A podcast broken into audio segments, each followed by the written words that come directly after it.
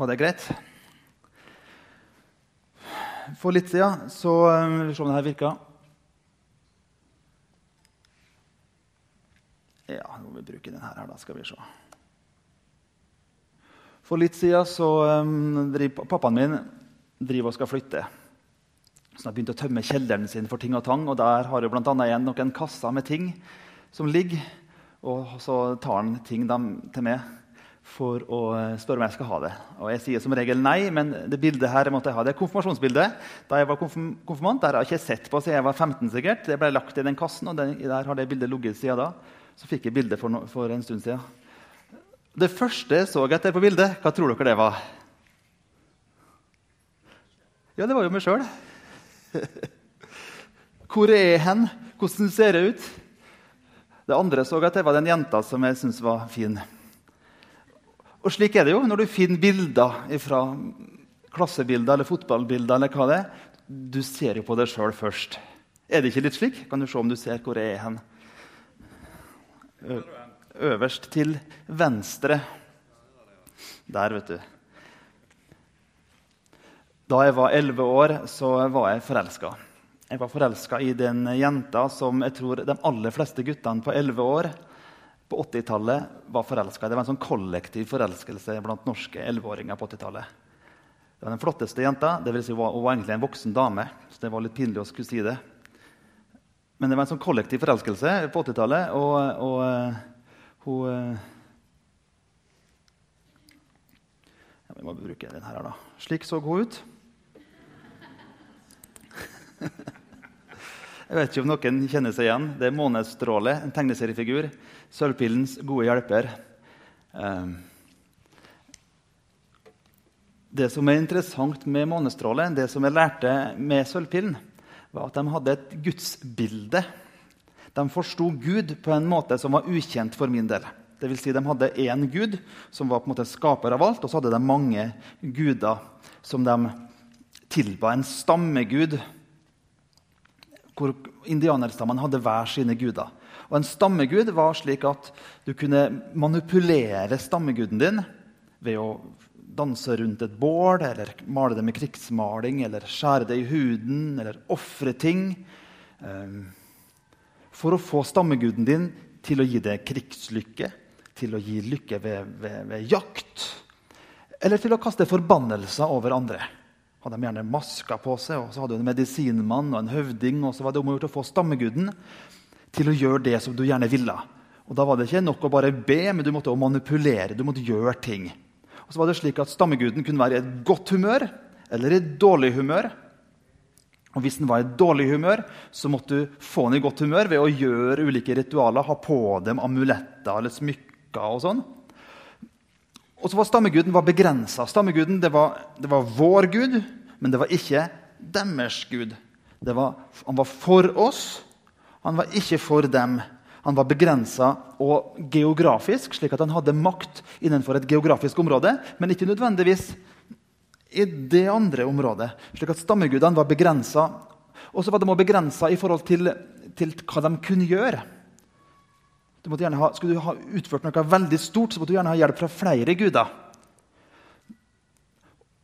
Og det som på en måte har slått med nå skal jeg, jeg, skal komme tilbake til det her litt senere, men det som har slått med er at av og til når jeg leser om naturfolks eller om andre religioner sine gud, og måten mennesker behandler sine stammeguder på, så av og til så minner det meg om måten vi kristne behandler Bibelens Gud på.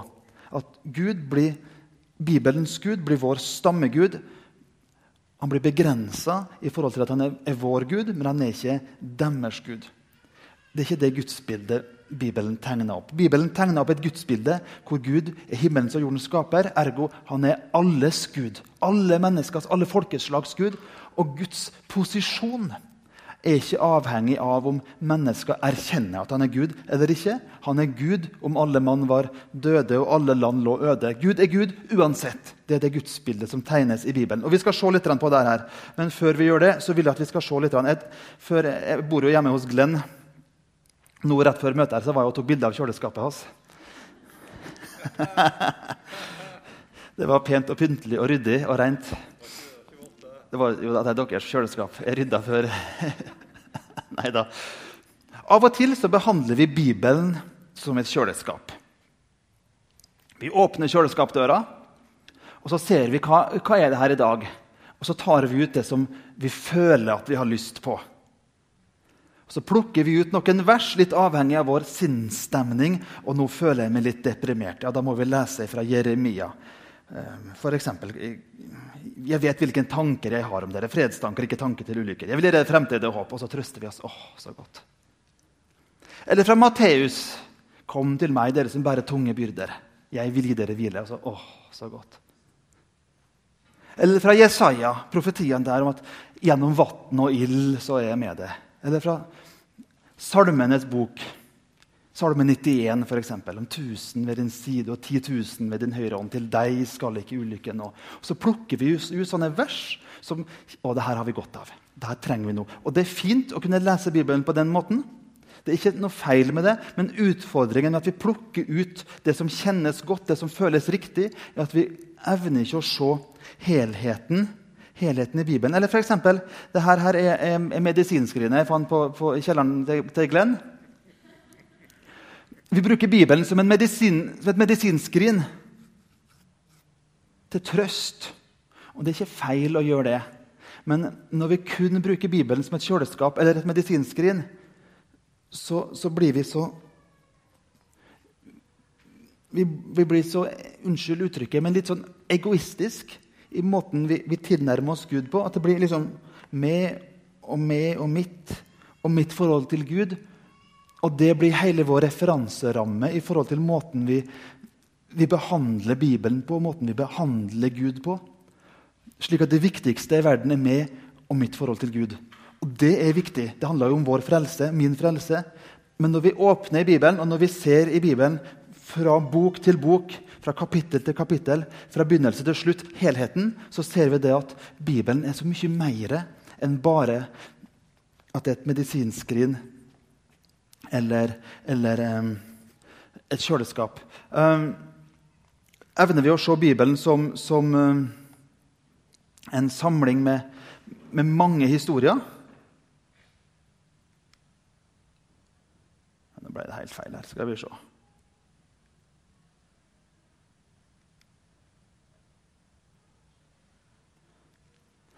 Det kan være vanskelig å forstå de her enkelthistoriene om vi ikke klarer å se sammenhengen mellom, mellom de ulike historiene. Ser vi mest Guds, Guds løfte at det er med? Eller klarer vi å, å, å, å, se Guds hensikt for alle sammen? La oss gå til første Mosebok, kapittel 12. Da møter vi for første gang vil si vi møter den så vidt i kapittel 11, Abraham. Og så åpenbarer jo Gud seg for Abraham. Og så er spørsmålet hvem trodde Abraham at Gud var? Må vi huske på at Abraham han hadde ikke Første Mosebok, han hadde heller ikke Matteusevangeliet eller Hebrebrevet eller Bibelen for den del. Han hadde en forståelse av Gud i forhold til det som var overlevert fra hans far, og det som gikk tilbake til de første menneskene. Og Gudsbildet til Abraham var prega av det. Og og kanskje til en viss grad så forsto ikke Abraham det her vet vi egentlig veldig lite om, men det var ikke sikkert Abraham hadde en forståelse av hvem Gud var. Um, vi tenker det at Abraham kom fra et sånt steinaldersamfunn. Det er feil. Abraham kom fra en by, Ur i Kaldea. Her ser du bilde av de arkeologiske utgravningene fra Ur i Kaldea. Det ligger i dagens Irak. Ur i Kaldea på Abrahams tid var på en måte verdens, eller et av verdens eh, kulturelle sentrum om du vil. Folk bodde i hus. Folk hadde innlagt vann i husene sine. Det var, utgravningene har vist at det var vanlig å ha badekar på soverommet. Jeg vet ikke om noen har det her i Bergen. Um, vi snakker om et høyt utvikla samfunn. Det var ikke et steinaldersamfunn hvor folk bodde i, i huler og, og gnagde, gnag kjøtt av beinrester, sånn som av, av, og til vi får inntrykk av at folk gjorde. Det var et høyt utvikla samfunn. Og der sier Gud, til, sier Gud til Abraham.: Flytt, reis, dra til et land. Jeg skal vise deg hvor det landet er hen. Og Det, det ser vi i Første Mosebok kapittel 12, hvor, hvor, han sier det at 'dra bort' i begynnelsen her, vers 1, 'dra bort' fra landet ditt og fra slekten din og fra farshuset ditt til det landet som jeg skal vise deg. Gud gir ikke Abraham beskjed hvor han skal reise. Han sier bare 'reis'. Abraham flytta ut av huset sitt, sa farvel til badekaret sitt kanskje, og inn i et telt. Og Du ser at Abraham har vært en rik mann når du ser på, på det han hadde av, av dyr og, og, og tjenere. Og dersom vi kan tenke oss til at Abraham har et sånt ikke et fullt bilde av hvem Gud er, så kanskje kan vi tenke oss at, Gud, at Abraham trodde at, at, Gud var hans gud, kanskje en slags form for stammegud. Um, og det Gud sier i vers 2, stemmer da overens med et bilde av en stammegud. For hva er det Gud sier? 'Jeg vil gjøre deg til et stort folk'. Hvis det var Abraham, så ville jeg ha retta meg i ryggen og så tenkte jeg at yes, det høres veldig bra ut. Jeg skal bli far til et stort folk. Bra. Og så sier Gud videre, 'Jeg vil velsigne deg og gjøre navnet ditt stort'. Yes, det her er veldig bra. Jeg skal være velsigna, tenker kanskje Abraham. Du skal bli til velsignelse. Ja, det kan jeg være, tenker Abraham, så lenge jeg på en måte jeg kan velsigne dem som velsigner meg. Og så sier Gud videre at 'jeg vil velsigne dem som velsigner deg', men den som forbanner deg, skal jeg forbanne. Ja, Abraham er sannsynligvis enig. Og dermed blir, far, blir Abraham far til, til, til jødefolket. Gud, var, Ifølge jødisk tradisjon så var det på denne tida 70 språk i verden. De er lista opp i første Mosebok kapittel 9. 10. Og så, Gud, så velger Gud seg ut en mann, og så skal han forme et nytt folk. Som Gud, Guds øyensten, Guds utvalgte. Og så oppretter han en pakt seinere. Som han bekrefter og bekrefter og bekrefter gjentatte ganger gjennom Det gamle testamentet, og som må bekreftes i Det nye testamentet. Men hensikten med den pakten kommer i vers 3. Og plutselig så snus bildet Abraham har av Gud at nei, det her er ikke en stammegud som åpenbarer seg for meg. For plutselig så sier Gud i deg skal alle jordens slekter, alle jordens folkeslag, velsignes. Med andre ord, Gud sier til Abraham at 'jeg velsigner det, jeg har utvalgt det'. Du er min øyensten, jeg skal opprette en pakt. Jeg gjør det fordi at jeg har en større hensikt. Og hensikten min med å gjøre det, er at jeg vil velsigne ikke bare israelsfolket, ikke bare jødefolket. Jeg vil bruke israelsfolket til å velsigne alle jordens folkeslag. Gud sier til Moses i, i andre Mosebok at dere skal være prester framfor alle jordens folkeslag. Og med andre ord, Gud valgte seg Aron til å være ypperste prest. Og så valgte han som, Aron skulle være prest for Levis stamme, en av de tolv stammene. Levis-stammen, Og så skulle Levis-stammen være prest for hele israelsfolket. Og så skulle israelsfolket være prest for alle jordens folkeslag. Det bildet går igjen gjennom hele Det gamle testamentet. Hvordan Guds hensikt var at ja, jeg velger meg ut et folk, jødefolket, og løftene til jødefolket står fast i dag. Men hensikten er at alle jordens folkeslag skal få lov til å kjenne Gud.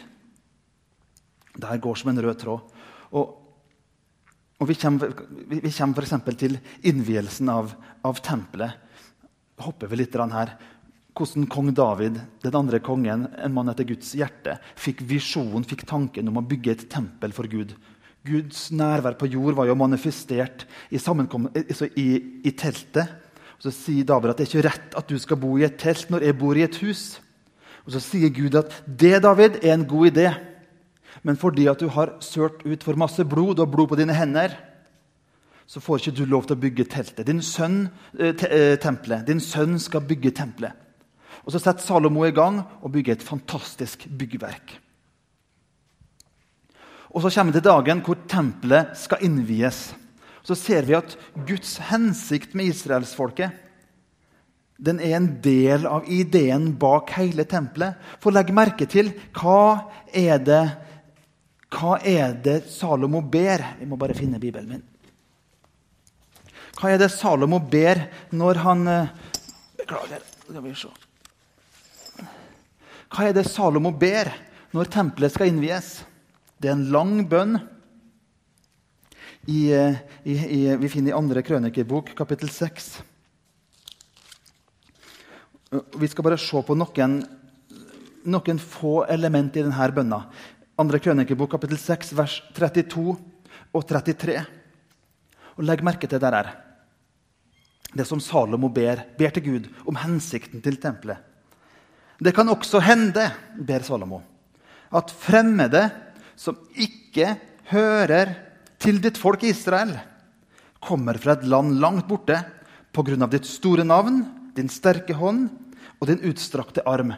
Med andre ord ber Salomo at det kan, det ikke, tempelet det kan være det er åpent for andre, andre folkeslag òg. For det kan være at det kommer folk fra andre land, folk fra andre etniske opphav, som kommer og vil be til Gud fordi de har hørt rykter om hva Gud har gjort for Israel i, gjennom historien. Og så ber Salomo videre at når de så kommer og ber, vent mot dette huset, da må du høre dem fra himmelen der du troner, og gjøre alt det de roper til deg om. Hvorfor vil Salomo at Gud skal gi bønnesvar til de andre folkeslagene? Jo, her kommer det. Slik skal alle folk på jorden lære ditt navn å kjenne, og de skal frykte deg. Det var hensikten. Tempelet ble ikke bygd bare for Israels folk. Det ble også bygd for alle, alle folkeslag. Og, og, og, og Så kan vi se litt sånn hvordan det så ut.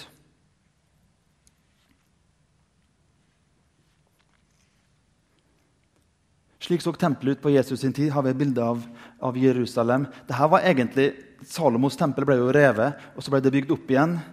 Og det Tempelet på Jesus sin tid var på en måte en, en enda en utvida tempel som, som, Herodes bygde. Det var 33 ganger større enn det som ble bygd.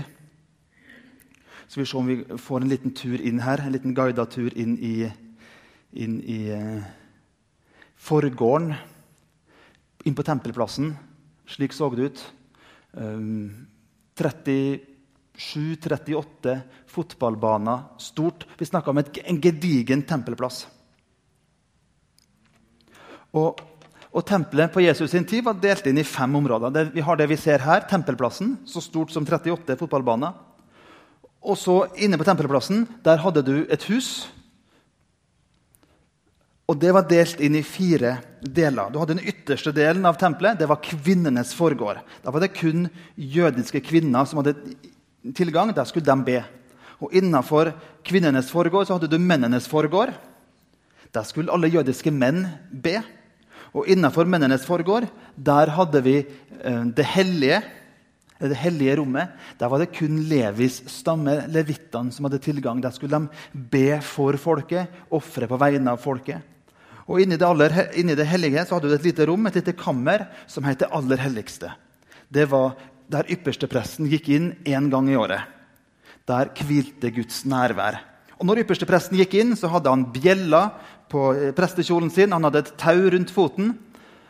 Slik at de prestene som stod utafor i det hellige, når de hørte at, hvis de hørte at bjellene slutta å ringe, da, de, da, var han død i Guds nærvær. ypperstepresten. Det kunne jo skje at noen døde i Guds nærvær. Da kunne de dra ypperste presten ut med tauet han hadde rundt foten. Og Mellom det aller helligste og det hellige der var det et stort forheng, ikke en gardin som vi har her, en, et forheng som var mange centimeter tjukt og veide mange tonn. Og det forhenget det revna i to da, da, Jesus, da Jesus, døde. Jeg husker, jeg husker, som barn Jeg gikk på søndagsskolen hjemme på Indre Nordmøre.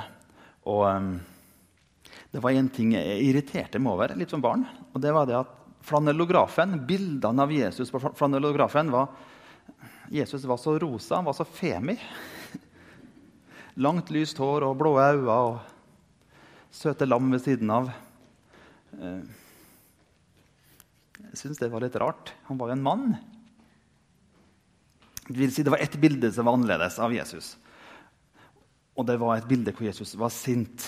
Ikke det at det er mandig å være sint, nødvendigvis, men det var noe, plutselig var ikke Jesus rosa lenger. Han var, han var, var, var Øynene var svart, og det var altså, Forstå det her riktig. Det er ikke mandig å være sint, men det var et annet bilde av Jesus. og da Han hadde laga seg en pisk, og så tvinga Jesus folka ut og velta borda og slapp løs fuglene og duene, og pengene lå strødd. Det var et annet bilde av Jesus når Jesus rensa tempelet. Så sitter jeg der på fremste benk i kirka.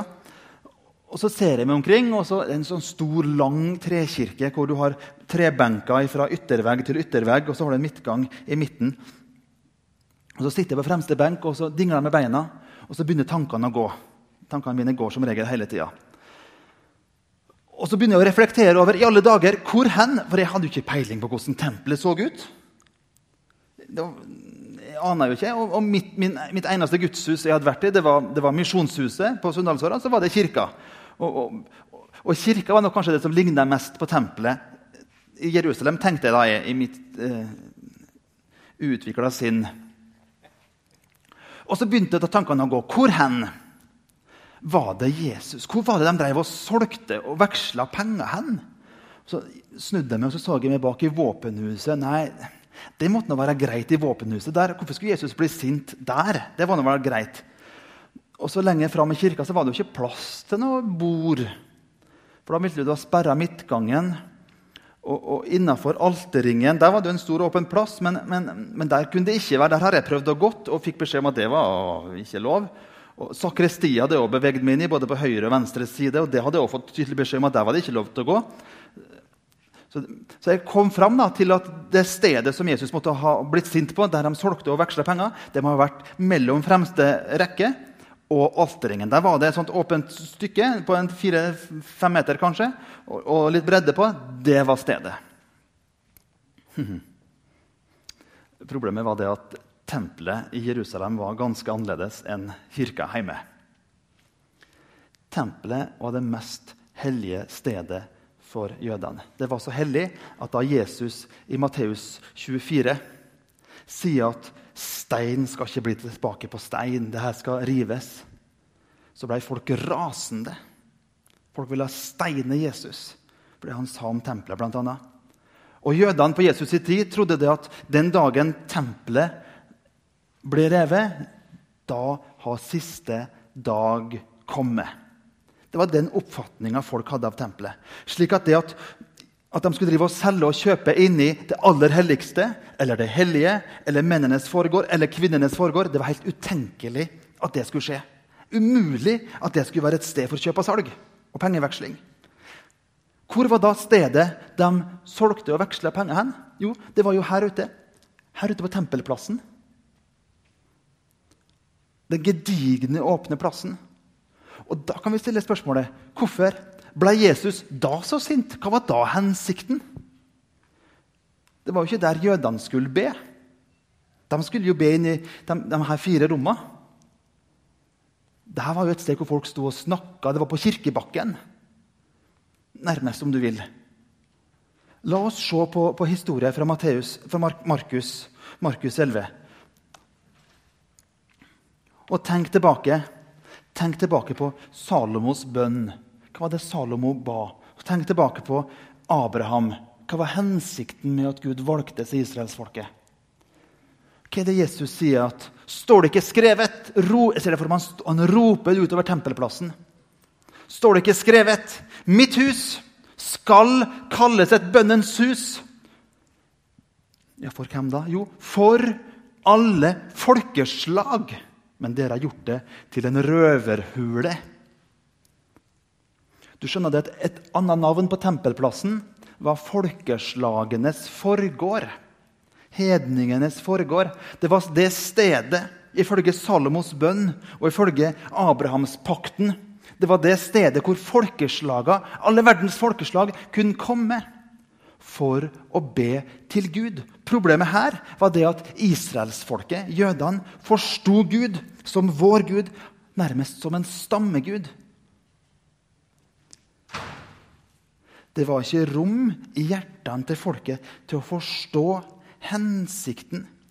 Vi er velsigna. Gud har velsigna oss. Gud har utvalgt oss. Ja, det er helt riktig.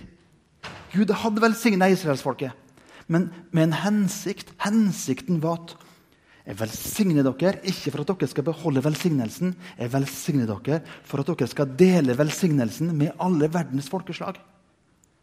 Men så forsto ikke israelsfolket den hensikten. De var bundet fast i sin egen kall det etnosentrisme eller sin egen egoisme eller sitt eget gudsbilde. Gud er vår stammegud. Gud er vår Gud som vi bruker et, som et middel for at vi skal bli velsigna. Og når jeg hører kristne mennesker i Norge be, og når jeg hører kristne mennesker i Norge omtale Gud, så minner det meg om et likt gudsbilde. At Gud blir et middel for at vi skal være velsigna. Et middel for at vi skal oppnå velvære. Et middel for at vi skal ha det godt. Og ikke bare det, men også et middel for vår frelse. Og Det er jo ikke nødvendigvis galt. Men Gud er så mye mer. Han er alle verdens folkeslag. Og så var det ikke rom i hjertene til dem som var annerledes, til dem som tenkte annerledes, dem som var annerledes. Vi skal gå mot avslutning her. Ikke helt ennå, men snart.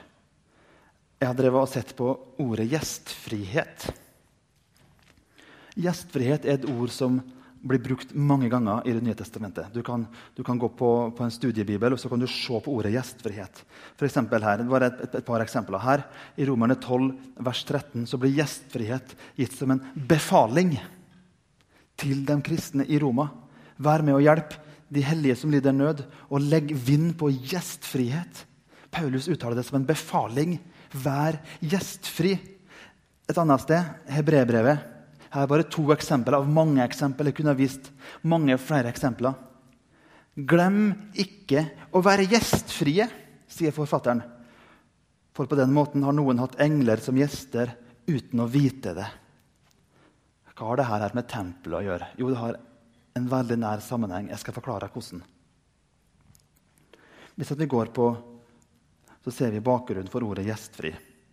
Gjestfri på gresk, som da grunnteksten er skrevet på, er filosenia. Filosenia består av to ord. For det første har du filios, eller filio, som betyr kjærlighet, eller vennskapskjærlighet, eller brødrekjærlighet. Vennskap mellom mennesker. Det andre ordet gjestfrihet består av, det er seno. Det betyr den fremmede, eller fremmede mennesker, eller ukjente mennesker. Med andre ord, gjestfrihet betyr kjærlighet til mennesker som vi ikke kjenner. Gjestrett er kjærlighet til mennesker som er ukjent for oss, til fremmede mennesker. Og det er, den, det er det Paulus befaler til de kristne i Roma. Vær gjestfri. Utvis kjærlighet til fremmede mennesker, mennesker som dere ikke kjenner.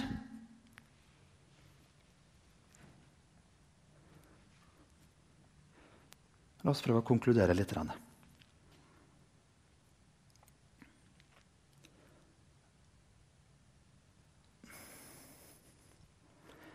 Når, når vi ser hvordan landet vårt i Norge har utvikla seg, så har det vært en dramatisk endring de siste 30-40 åra. Med at Norge har gått ifra å være et ensarta, ensretta, monokulturelt, monoetnisk land til å bli multietnisk. Og det kan vi si veldig masse om.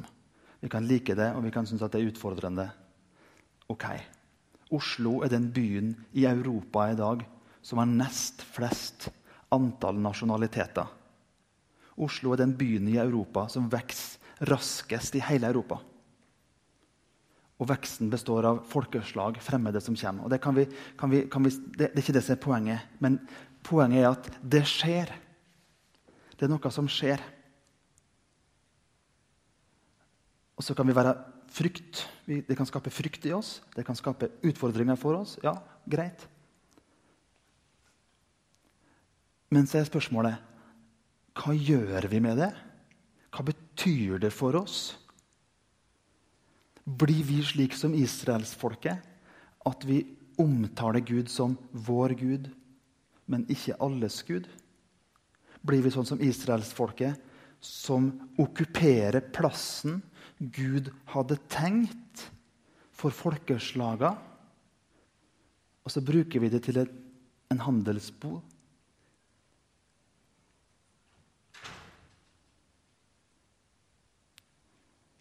Eller evner vi å se Guds hensikt i det som skjer i dag? Evner vi å se det at Gud er en Gud som er historiens Gud? Evner vi å utføre Paulus sin befaling, vis gjestfrihet, vis kjærlighet mot dem som er fremmed, dem som er annerledes?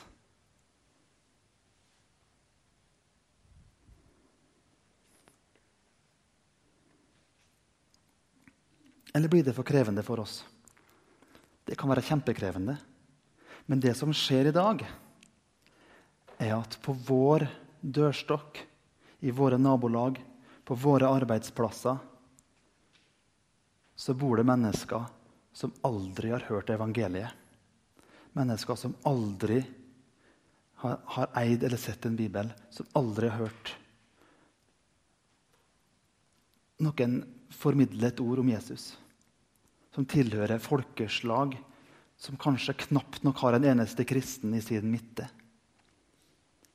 Og det er spørsmålet hva betyr det for oss på den måten av misjonsmarka, som vi gjerne kaller det? Den er ikke lenger der ute, men den er her hos oss, i våre nabolag. Hva gjør det med oss? Evner vi å utvide hjertene våre? Evner vi å åpne opp hjertene våre, sånn som Paulus befaler? Vis gjestfrihet! Elsk den fremmede! Eller lukker vi oss igjen i vårt bilde av Gud som min Gud? Jo da, Gud er min Gud. Men han er min Gud i kontekst av å være alles Gud, alles skaper. Jeg tror det er en kjempeutfordring for våre forsamlinger i Norge, for kristenfolket i Norge, at Gud har åpna en vei for at mennesker som ellers ikke ville hørt evangeliet, kan få høre evangeliet. Men det krever at vi tar noen steg. Misjonsbefalingen sier at 'gå derfor ut og alle folkeslag til disipler'. Gå betyr ganske enkelt endring av lokalitet, endring av sted. Du må bevege det.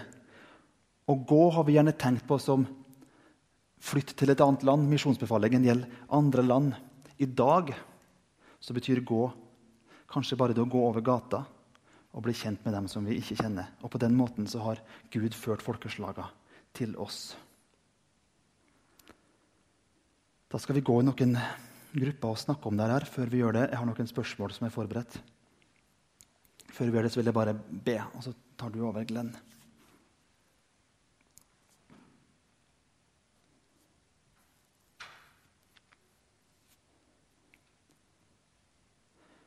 Takk, Jesus, for at du har ført, at du fører folkeslaga hit.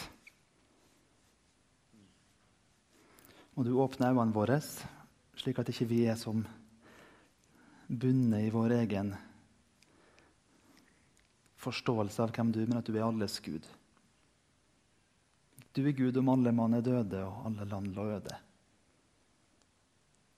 Du er skaper og opphav av alle folkeslag, alle mennesker. Ber Jesus at du må åpne øynene våre,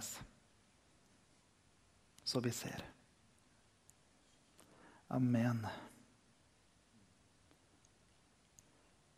Jeg vet ikke om dere leser, leser nyheter og leser, men for en ukes tid siden så var det en afghansk kvinne som ble knivstukket og drept på Hamar. Og for et par dager siden så ble ektemannen hennes fra Afghanistan eh, Han hadde tilstått. Det var han som gjorde det. To små barn, ett og tre år, tror jeg det var. To uker før hun ble drept. To uker før. Så var det noen av våre venner som hadde bedt med henne og ledet henne til Jesus. To uker før det skjedde. Da hadde hun bestemt seg for å legge av seg det som tilhørte islam, og følge Jesus. Det vil si, hun, hun hadde ikke en sånn omvendelse som vi kanskje er vant til her, men hun sa at vil, hun begynte å lese Bibelen og sa jeg vil tro på Jesus. Hun var i en prosess. I dag er hun hjemme hos Jesus. Det har berørt oss sterkt og dypt. Mange afghanere i Hamar har kommet til tro. Mange iranere har kommet til tro.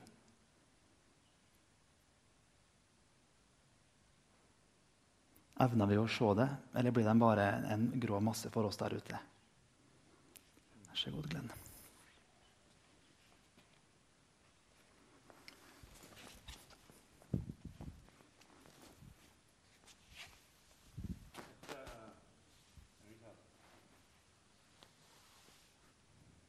Dette